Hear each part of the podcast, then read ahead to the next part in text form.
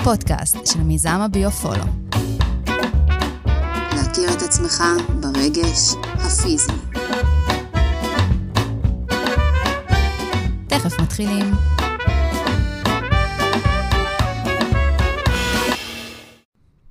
ברוכים הבאים לפרק הנוסף שלנו בביו-פולו. אני יאנה מיריל, מטפלת ברפואה אלטרנטיבית, רפלקסולוגיה, שיאצו ודיקור, ומייסדת הביו-פולו.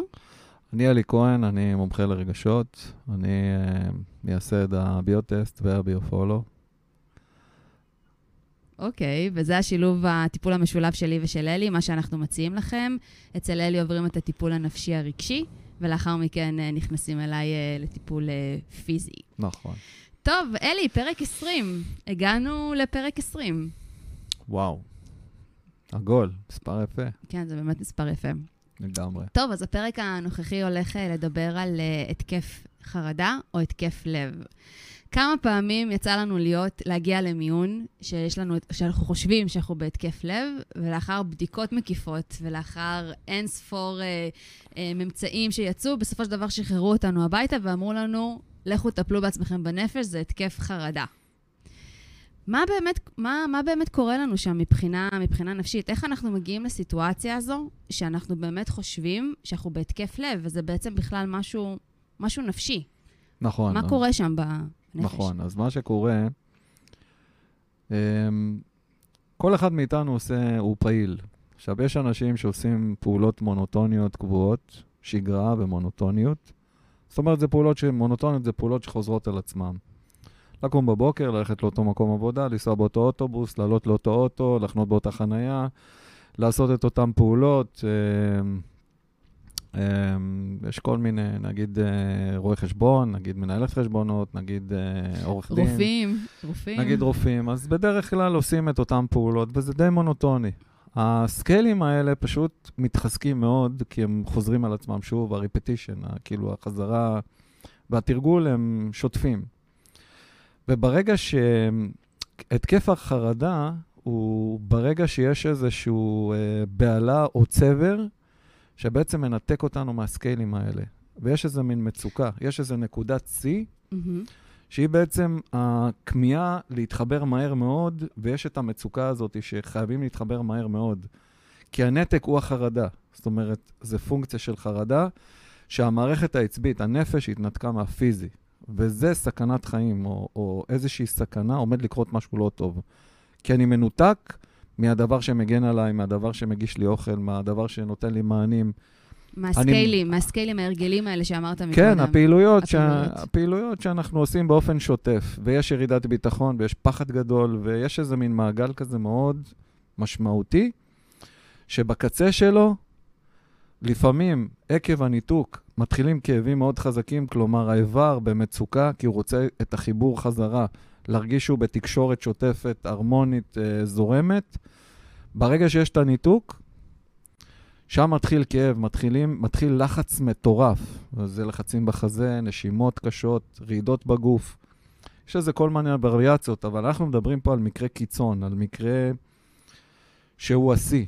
שבן אדם אפילו יכול להגיע למצב שהוא הולך לחדר, והוא לא יכול ללכת לעבודה ולא יכול ללמוד. אם הוא סטודנט, אז הוא לא יכול ללמוד, ואם הוא תלמיד בית ספר, הוא פשוט מתנתק מהחיים השגרתיים. כי הוא, המשמעות של להתנתק, כשהנפש מתנתקת מהפיזי, המשמעות שהוא לא יכול ללכת ולבצע פעולה, או לימודית, או ריכוז, יש אה, כל מיני חוויות רגשיות של בלבול והימנעות ודחיינות וכל מיני וריאציות שהמשמע שלהם הם נתק.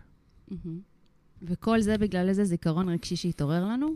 כן, אז תסבירי את, את, ה, את ה, איך זה עובד מבחינה אה, פיזיולוגית. כן, רגע, לפני שאנחנו באמת ניגע ברגש, בואו בוא נגיד גם מה קורה שם מבחינה... מה המערכת הלימבית? מה, פיזית, הרי בסופו של דבר יש לנו אה, את המוח הקדום, שבשם המערכת הלימבית, ששם יש את התלמוס, שהתלמוס בעצם הוא קולט... תלמוס. את... תלמוס, נכון, תודה. כן. ששם הוא באמת קולט את כל הגירויים, את כל המידעים שאנחנו מקבלים, ובסופו של דבר, כש... אני, אני מנסה לקלוט את המידע, הוא נכנס אליה ב... ב... הוא לא נכנס אליי נכון. כאילו, רמת העיבוד היא לא נכונה, היא לא תקינה, ואז, המוד... ואז זה, לא, זה לא מגיע ישירות למודעות. ואז עולים לי התחושות, וואו, מה קרה פה עכשיו? כאילו, למה, למה, אני, נמצאת בתחושה, למה אני נמצאת בתחושה הזו? ובסופו של דבר, מה שזה, מה ש...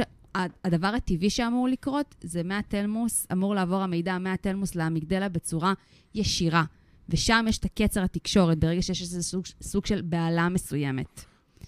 ואז אה, כל זה בגלל זיכרון רגשי שאנחנו לא מבינים נכון, אותו, מאיפה הוא הגיע פתאום. וזה המשמעות של מה שתיארתי קודם. זה, את תיארת את זה ברמה של הפיזית. המערכת הלימבית, הפיזית, איך זה עובד מבחינת הורמונים, איך זה עובד מבחינת... אה...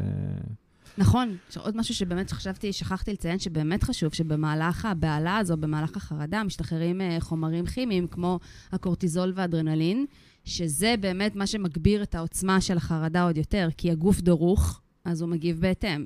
כן, הוא מוכן למלחמה, תכלס. בדיוק. כן, בדיוק. לגמרי. זה גם בא מהתחוש... מהתקופה של האבולוציה. נכון. אז אני אתן כמה דוגמאות גם מבחינת אה, הורים וילדים. אה, לחיי היום-יום. לחיי היום-יום, כאילו. למשל, אה, כשאימא אה, מרגישה שהיא איבדה, שהיא בנתק מהילד, כי הילד עושה משהו הפוך ממה שהיא רגילה לראות אותו עושה, או ממה שהיא מצפה לראות אותו עושה, וברגע שהוא אה, לא עושה את זה, יש איזה מין פחד ש... שהוא הולך לאיבוד. זה הניתוק. זה דוגמה לניתוק. ואז יש לחץ, ביקורת, או מתח, או, או כניסה למצב אה, עוצמתי, שבעצם אה, אה, יוצר אה, נזקים. אה, נגיד אם... אה... אני רגע רוצה אבל שתביא דוגמה, למה, למה יש פתאום את הלחץ הזה? כאילו, זה הרבה פעמים בגלל שההורים אומרים לילד מה לא בסדר. נכון? זה גם, זה גם, משם הוא מתחיל לבנות את זה, את מה לא בסדר. כל הזמן מתחיל להרגיש את האיום. נכון, כי אם ילד מתפתח בהתפתחות הטבעית שלו, הוא צריך להתחבר לכל מיני דברים, כל מיני סקיילים שהוא מגדל אותם, זאת אומרת, בהתפתחות שלו. זה כישרון, זה, זה יכולת, זה כל מיני דברים. דברים שהוא אוהב, תחביבים, לא יודע, וואטאבר, כל מיני דברים שהוא מתרגל, לא באופן מסודר, זה לא עבודה, זה לא... הוא פשוט מתרגל אותם בטבעי. וברגע שההורה כל הזמן חוצץ, כל הזמן הוא מכניס לשם אה, כאילו ביקורת, הוא מרחיק את הילד מעצמו. הילד מתחיל לגדול רחוק מעצמו. אה, שמעתי פעם אנשים שאומרים שהילד גודל עקום, הילד גדל עקום. תקן לי אותו. Uh, כן, לפעמים מגיעים אליי אמהות, אומרים, הילד שלי לא בסדר, קח תקן אותו. תקן כאילו, לי אותו. אבל, אבל הם חלק מהעניין, כאילו, אם הם לא, אם הם לא משתפות פעולה איתי, אם הם לא מקבלות כלים ממני, אי אפשר לעזור לילד. נכון, גם חשוב... הילד לא גודל בפני עצמו. נכון, גם באמת אה, חשוב לציין את העניין הזה שהם לא עושים את זה ממקום רע, הם עושים את זה כי זה מה שהם יודעים. לגמרי. זה משהו שמאוד ככה חשוב. זה אימהות טובות, אימא... אבל, אבל ככל שהאימהות הן יותר טובות, ככה הן מגוננות יותר, ולפעמים זה חורג בכיוון, ב, ב, למקום, לקיצון. והילד פשוט לא מחדד את הסקיילים, הן מגוננות, אז הן מכינות לו את הסנדוויץ', והן מסיעות אותו, ואומרות במקומו, וחושבות במקומו, ונותנות לו פתרונות במקומו. והן כל הזמן עושות הכל במקומו, אז הוא, הוא לא יודע מה עושים. הוא פשוט לא יודע איך חיים את החיים. אין לו אינטראקציות, אין לו עצמאות, אין לו עצמיות. מי אני? נלק... מי אני? זה נלקח ממנו כשהורה מגונן, כי הוא דואג לו, כי הוא לא רוצה שהוא יעבור את מה שהוא עבר בתור ילד, וזה מכוונה טובה כמובן. קורה מצב הפוך לחלוטין. נכון. נכון, נכון. אז תמשיך באמת עם הדוגמאות. היה רגע פשוט, היה חשוב לי כן לציין את העניין הזה עם ההורים. לא, מעולה. אז תמשיך עם הדוגמאות של ה... אני שמח שאת מפריעה לי, זה בסדר. אז מה שקורה בעצם זה שזה דוגמה אחת. למשל, אה, מבחינת, אה, למשל בעבודה. אוקיי, אני אתן חברתי, עבודה, זוגיות וכולי. למשל בעבודה. אני רגיל עכשיו לעשות עבודה מסוימת, ופתאום בא הבוס ואומר לי, תשמע, אתה עכשיו עובר למחלקה אחרת, ואתה תעשה דברים אחרים. אז פה אני צריך, אמ, אני נבהל, אני אומר, וואלה, רגע, אז אני צריך הכל עכשיו מחדש, אני צריך ללמוד, אני צריך להסתגל, אני... מה זה הסתגלות? הסתגלות זה שאני לומד את הדברים, דברים חדשים או דברים מחדש. אה, אז אני מתנתק. והניתוק הזה יוצר חוסר ודאות, יוצר חרדה, פחד. אני, אני ממש חושש ממה יהיה אם אני לא אצליח ואם אני אכשל. כל הפחדים עכשיו מוצפים, וחוסמים אותי מלבצע פעולה. אז אני לא יודע אם אני מתנהל נכון, אני לא יודע אם זה בסדר מה שעשיתי, אבל אני רוצה גם להוכיח שאני בסדר, אז אני כאילו נמצא במתח מול הבוס. אם אני לוקח את זה לזוגיות, זה אותו עיקרון. למשל, כש... כשמישהו רוצה להתחבר למישהי, או כשמישהי רוצה להתחבר למישהו, יש פחד מאוד גדול היום בגלל שיש אפליקציות, ועוד היום, בדיוק מה שבאתי להגיד עם האפליקציות. וזה מאוד זמין, אז, אז יש הרבה הרבה כישלונות. הרבה Mm. פעמים יש דייט אחד וזה נגמר, ארבע דייטים וזה נגמר, חודש נפגשים פה ושם וזה נגמר. הביטחון, ש... כאחת שנמצאת בזה לגמרי, אני יכולה להגיד לך שזה באמת... אה, נכון, אז כל פעם כאילו אתה לא יודע לאן אתה מגיע. נכון, אז, אז הביטחון יורד, ואנחנו לא מצליחים להבין איך אנחנו מייצרים רציפות, לה, כאילו ליצור קשר עם מישהו ולהתחיל לצאת איתו עוד מפגש, עוד עוד מפגש. ולהתחיל ללמוד ולהכיר ולהבין מה קורה. ההיכרות. כי היא כן. מאוד חשובה, כדי לבסס עליה את, ה, את הקשר. אם נגענו רגע בהיכרות, תבין עד כמה זה באמת, אה, באמת חשוב לנו בתור אנשים קודם להכיר את עצמנו, ואז להגיע מהמקום הזה לזוגיות. זה כל כך חשוב, כאילו, כי ברגע שבאמת בן, בן אדם מחובר לעצמו והוא יודע מי הוא ומה הוא, ועל גם על הזיכרונות שעולים לו כל הזמן, הוא באמת ידע גם איך להתמודד ולהנגיש את זה בצורה הרבה יותר נכונה לפרטנר או לפרטנר שמולו. כי אני יודע מי אני, וזה לא הבן זוג, הרי זה תמיד אני.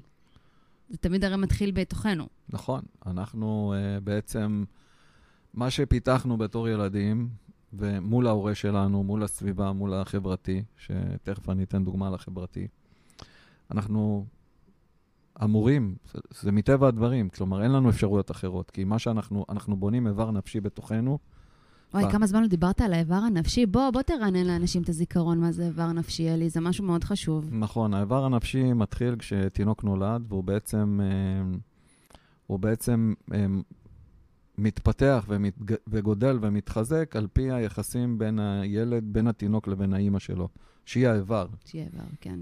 היא האיבר שאמור לענות על הצרכים שלו. עכשיו הוא בוכה כי ישרוף לו טוסיק, אז uh, היא צריכה לבוא ולשים לו משחה. הוא בוכה עכשיו כי הוא רעב וכואבת לו הבטן, היא צריכה לבוא ולהאכיל אותו. Uh, היא צריכה לזהות נכון את הבכי שלו, שמייצג את הצורך שלו. מייצג רגש, הבכי מייצג רגש, הוא לא יודע להגיד אה, אני מאוכזב, הוא לא יודע, הוא פשוט בוכה. זה המשמעות הראשונית לפני שהוא יודע לדבר, וככה הוא מת- מתווך לאימא, אה, זו ההודעה שהוא מודיע לאימא, עכשיו מה החוסר שלו, מה, מה כואב לו, מה קשה לו. ב... והוא מבחינתו חסר ישע, אז הוא, הוא בסכנת מוות. כל פעולה כזאת הוא כל כך קטן וחסר ישע, שכל דבר כזה מתפרש כסכנת חיים, כסכנת מוות. וכשהיא מגיבה אליו, אם היא מגיבה אליו טוב, אז הוא גודל עם ביטחון. הוא, הוא גודל עם ביטחון הזנתי, והוא יודע, כאילו, משהו בתוכו יודע איך להגיע לפתרונות. ויש flow, יש לו צורך, והוא יודע איך לקבל אותו. ושם הוא גודל עם ביטחון. אבל אם היא לא מגיבה נכון, או מגיבה פעם כן ופעם לא, אז הביטחון שלו מעורער. ועל זה, וכך מתפתח איבר נפשי. האיבר הנפשי הזה יודע גם לתפעל את האיברים שלנו, את האיבר הפיזי, ידיים, רגליים, אה, אה, דיבור, שכנוע, לא יודע, כל מיני דברים שדרכם אנחנו אמורים אה, להשיג משהו שאנחנו רוצים. הצבנו מטרה, החלטנו מה אנחנו, כאילו, אנחנו מבינים מה אנחנו צריכים, מהמם. מה חסר לנו, ועכשיו אנחנו הצבנו מטרה שתמלא את ה... תיתן מענה שימלא את החוסר ואת הצורך. אז אם אנחנו רגע מסכמים את זה, אז... אז רגע, רגע, אני אשלים. אה, אוקיי. אז מי שעם ביטחון, קל לו לעשות את זה, יש לו flow, הכל זורם, הכל סבבה, כאילו. בגדול, כאילו, אין עולם מושלם, אבל כן. יותר קל לו בחיים, אוקיי? ויש את אלה שנאבקים וקשה להם כי הם בחרו הרבה עד שהם קיבלו את המענה, אה, או שכן או שלא, אוקיי? אז זה ההבדל בין מישהו עם ביטחון למישהו עם פחות ביטחון. כן, אז כאילו בסופו של דבר, אנחנו מסכמים, אם אנחנו מסכמים את העניין של האיבר הנפשי, זה פשוט כל החוויות שחווינו, ואיך האופי שלנו באמת התעצב בעקבות החוויות שחווינו בעבר. כך יתעצב המבנה שלנו, שהוא בעצם האיבר הנפשי שיודע לתפעל את האיבר הפיזי. מושלם. בגלל זה אנחנו עובדים בשיתוף פעולה, כי אני בעצם נותן את האיבר הנפשי, מה המבנה שלו, מה הפחדים, מה החששות, מה הקשיים, ואת נותנת את המענה על, ה, על האיבר הפיזי. הפיזי. ואנחנו עובדים בשיתוף פעולה, אז אנחנו יודעים לדייק מה קשור למה, במדויק, במדויק. ואיך איך לפתור את זה, איך לתת מענה, איך להקל, איך לשפר, איך ל- ליצור איכות חיים וכולי וכולי. כן, שזה באמת הנכון, המענה המדויק וה... והנכון.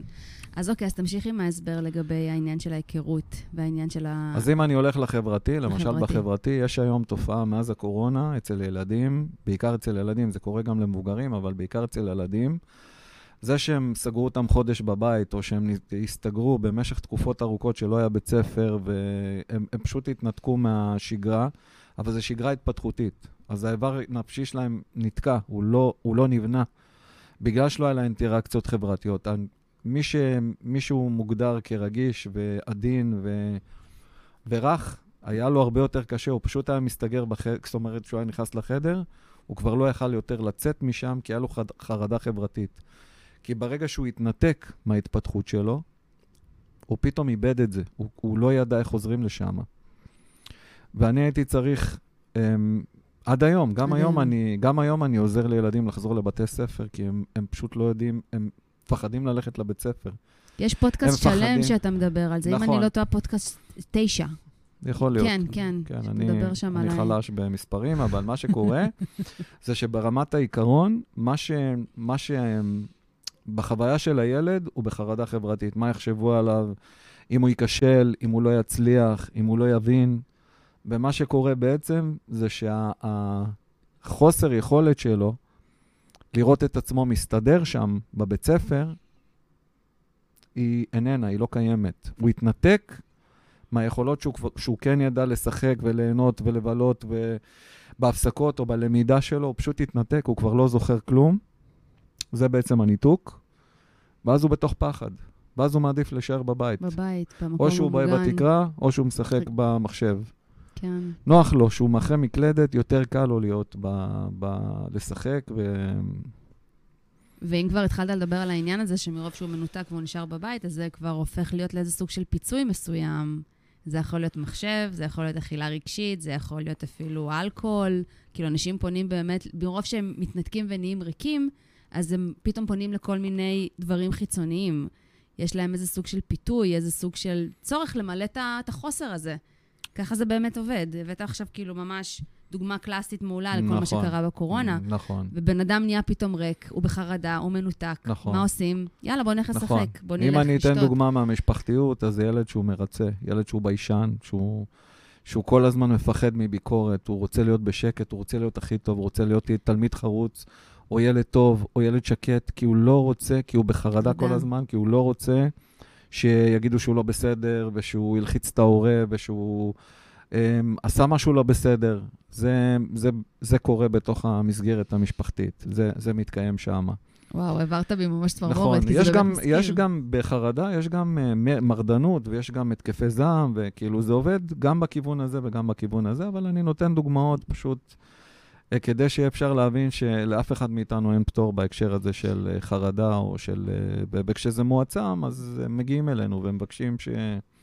מגיעים אלינו לביו-פולו. כן, מגיעים אלינו לביו-פולו כדי שנעזור, כדי שנוכל לפרק את זה ולהבין ולבנות את זה יותר טוב, ולחבר את זה חזרה הרבה יותר טוב כן, להמשך. כן, כן, זה באמת, זה באמת הייחודיות של הביו-פולו, שבאמת אנשים באים אלינו עם מצוקות, ואנחנו פשוט משלימים להם את כל המידעים האלה, שהופכים לידע.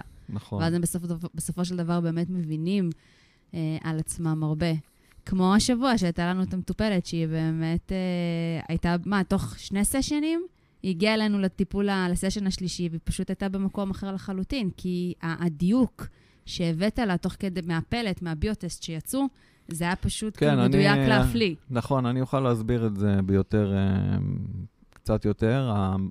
בסשן הראשון היה חוסר איזון. היה, כאילו, היה... אה, היא עובדת בשתי מקומות. יש לה קליניקה פרטית, ויש לה... והיא עובדת ב... היא עובדת גם בהייטק. ומה שקורה זה שה... ה...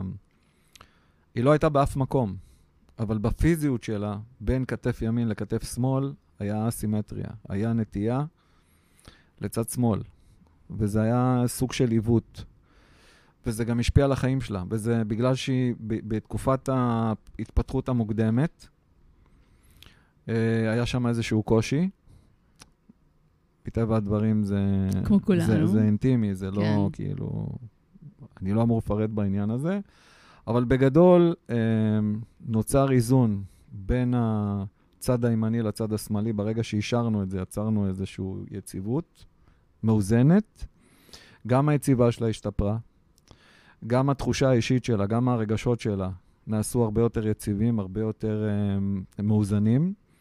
ופתאום התחילה, אה, בקליניקה הפרטית שלה, פתאום מבחינת, מבחינת העצמיות שלה, התחיל, אה, כאילו, פתאום התחילו ל- להופיע יותר ויותר לקוחות. יותר לקוחות. כן, בדיוק. רגע, אבל אני רוצה שזה שתסביר. נראה, זה נראה הזוי או מוזר, אבל לא, ברגע שאנחנו סגורים, בגלל שאנחנו סובלים ואנחנו סגורים, אבל יש לנו כישרון ויש לנו את הפוטנציאל, אז הכישרון מכישרון ל- להצלחה, הצלחה. זה הכישרון הוא לא בהכרח יתרון, אני מסביר את זה באחד הפודקאסטים הקודמים, בפודקאסט אה, בעצם, 18. נכון, ברגע ששחררנו את החסימה הזאת, שהיא קשורה לאיזשהו אירוע מהעבר, ברגע שזה משתחרר, גם מבחינה נפשית וגם מבחינה פיזית, בעצם נוצר flow, ואז יש איזה מין פתיחות. פתאום זה נפתח, ופתאום מתחיל להתמלא, מתחיל להיות- זרימה. מתחיל להיות זרמה, כן. והגיעה במפגש, כמו שאת אומרת, הגיעה במפגש השלישי, היא פשוט מאושרת, ו- וכאילו היא אמרה, וואו, זה כאילו... זה כל כך מהר קרה, שזה מדהים. מדהים. כן. רגע, אבל בוא תספר להם איך אתה עושה את זה. תגיד שזה באמת בצורה כל כך פשוטה, שאתה פשוט מתווך את המידע, שזה זה.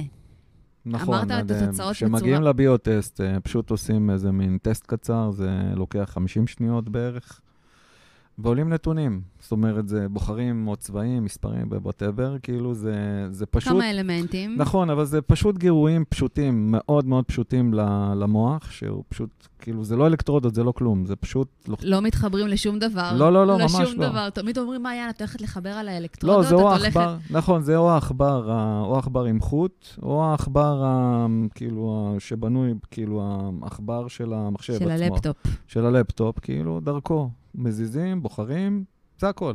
50 שניות, עולים נתונים, והנתונים האלה בעצם משקפים את, ה, את ההלך רוח. גם. כן, גם מג- במגמה, גם בדפוס הקבוע ש, שאנחנו פועלים על פיו. האיבר הנפשי שהוא שמנחה אותנו. הגדול, כאילו, האיבר ה, ה, המשמעותי, שבעצם אה, מוביל אותנו לאורך הימים, שבועות, שנים, ויש את, ה, את השינויים היומיומיים, הרגשיים. וברגע שאנחנו מבינים את הקשר ביניהם ואיך זה, איך אפשר לשפר את זה, מה תקוע, ו, ואז משחררים את זה, או, או דרך כלים, דרך, דרך משמעויות. הבנות גם בעיקר. אתה בעיקר מדבר- ההבנות, כן, אתה- כן, אבל זה כלי הבנתי, זה לא... כל- זה, בדיוק. זה, אפשר גם לתת כלים, אני נותן המון כלים, המון. אבל, אבל לי חשוב, אם לא הצלחתי לתת את ההכרה וההבנה, אני דואג, אני לא מסיים את הסשן עד שאני לא מוודא שהבן אדם, בום, נפל לו האסימון. כי ברגע שיש את ההבנה, אחר כך הכל קל. שם משתחרר העניין, ושם זה מסתדר. הכר בזה יסתדר, הכר. כי אם לא, אוקיי. כי אם לא הבנתי מה, למה קורה לי, איך קורה לי, מה קורה לי, כל השאר יהיה לי קשה כל הזמן, כי אני לא מבין, אני לא מבין מה עושים. כי אין לי סיבה לעשות את מה שאני, שאני עושה. למה שאני צריך לעשות. שצריך לעשות. בדיוק. אני גם מאוד חושבת שזה מאוד מוזר עדיין לאנשים, כי הם באמת רגילים תמיד להיות ב, אוקיי, יש בעיה מסוימת, אוקיי, בוא נלך לעשות, בוא ניסע, בוא נטוס, בוא נלך אה, לצרוך אה, מלא שוקולד, אה, בוא נלך אה, לעשות אה, יוגה, בוא נלך כאילו, מנסים כאילו, הם רגילים כאילו שיש בעיה מסוימת, הם צריכים לעשות משהו. ובאמת אצלנו, אבל הם אומרים לי תמיד, לפני שבאים אליי, שפונים אליי במדיה ודברים, או שמתקשרים אליי, כאילו, לביו-פולו, אבל מה, מה, מה הוא נותן לי? מה הוא נותן לי? איזה כלי? מה אני צריכה לעשות? אני צריכה ללכת לעשות אה, יוגה? אני צריכה ללכת לעשות מדיטציה? אני, מה אני צריכה לעשות? ואז אני תמיד אומרת שהדבר הכי חשוב זה ההבנה. ההבנה, הצ'יצ'ינג הזה, הנפילת אסימון. נכון. כי ברגע שיהיה את ההבנה, זה מודעות. הדברים פשוט ישתנו לך בצורה הדינמיקה הדינ- הטבעית. נכון, ברגע שאת מצליחה להביא מהתודעה, בתודעה יש המון, המון המון, אנשים אפילו לא מעלים על דעתם כמה יש בתודעה. אין ספור. שזה, שזה מתחת, מתחת ל, ל, להכרה שלנו, להבנה שלנו, ל, לרגע, לכאן ועכשיו שלנו. מתחת יש המון. ברגע שאנחנו מצליחים לתת את הדברים העיקריים להעביר מה, מה, מהתודעה למודע, שם אנחנו בעצם מצליחים אה, לייצר אה, אחריות, אחריות. בגרות, אה, עוצמה. עוצמה.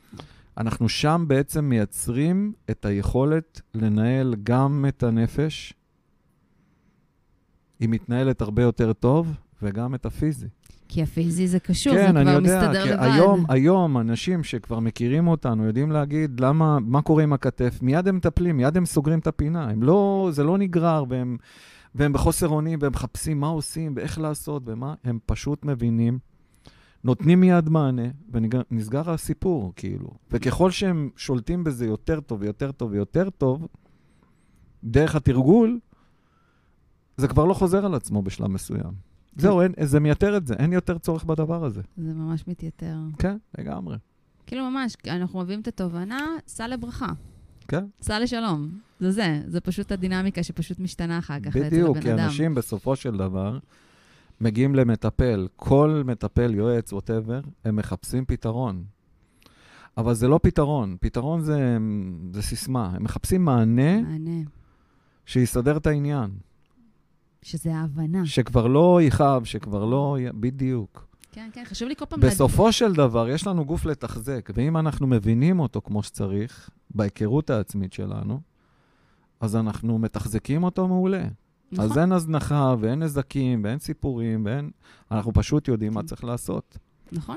גם אני, אני יכולה להגיד לך שאני מבחינת יודעת... התעדוף, ברגע שאנשים לומדים להבין שהגוף והנפש שלהם הם הכי חשובים בסופו של דבר, כמו שלימדת את, ה, את האנשים שאת עובדת איתם, אז, אז אין הזנחה, אין שחיקה, אין, אין נזקים, אין, אין חולי, אין תחלואים. אין, כאילו, משב... אין משבר, אין, אין משברים. בדיוק, בדיוק, לגמרי. אנחנו נדבר- ברגע... אנחנו נדבר על מעגל המשברים ועל מעגל החיים כבר בפודקאסטים הבאים, כי יש לנו באמת ידע משובח בעניין נכ- הזה. נכון, כן, אבל אה, כן, לא מגיעים למשברים, המשברים נמנעים. נכון.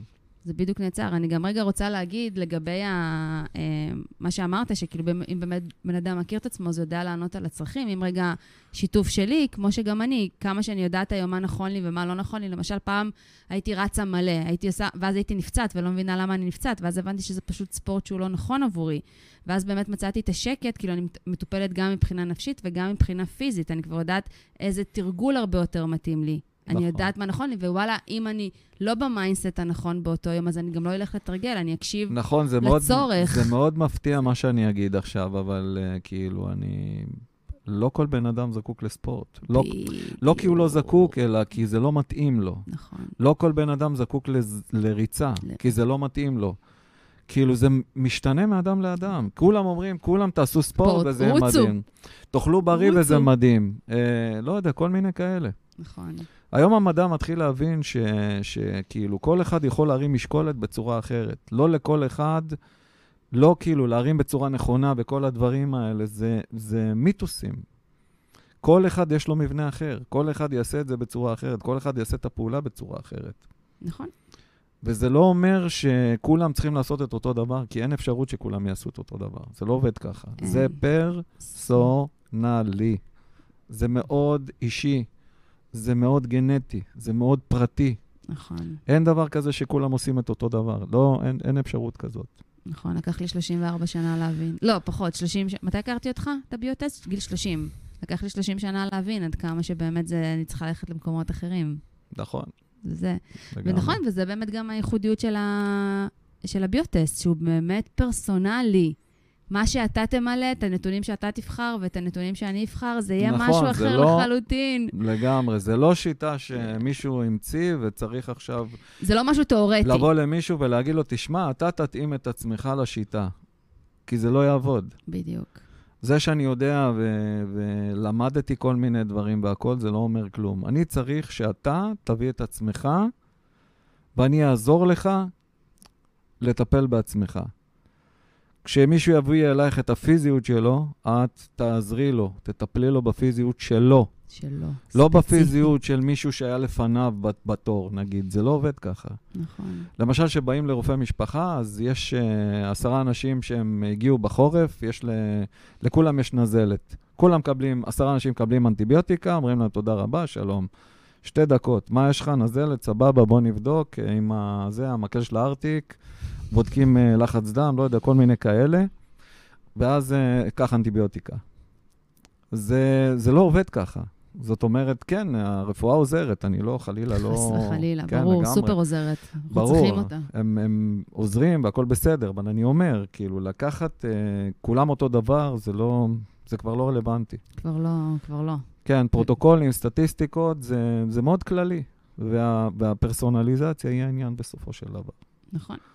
טוב, אני, אני באמת מקווה שהמאזין... מי אתה? מי אתה, אלי?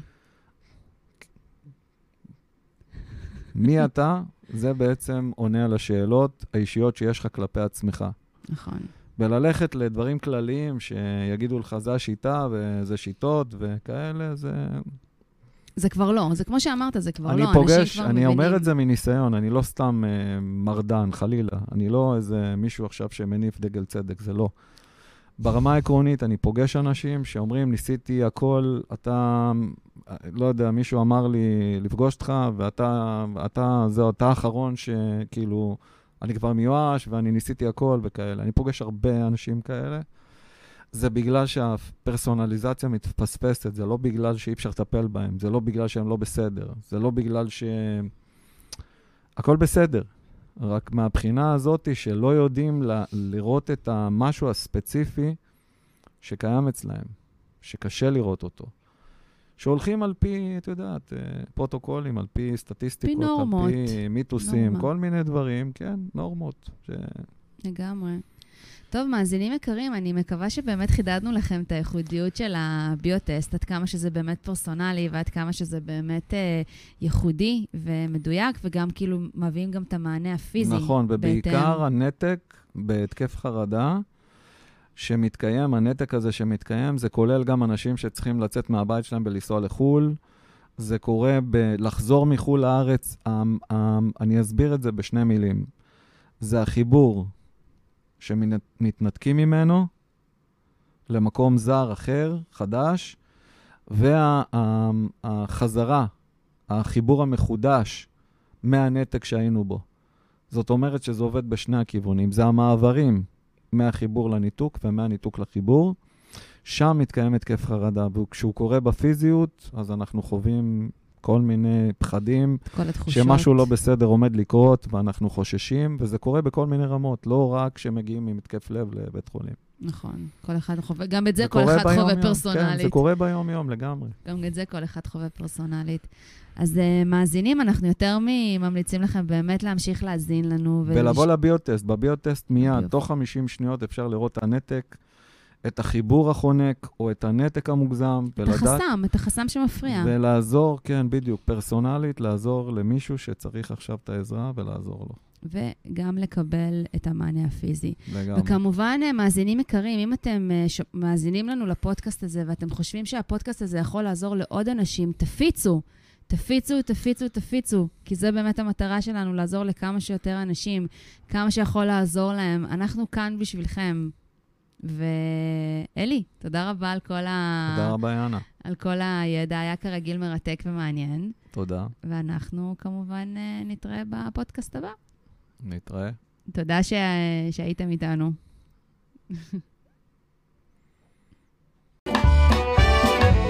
אז תודה שהייתם איתנו.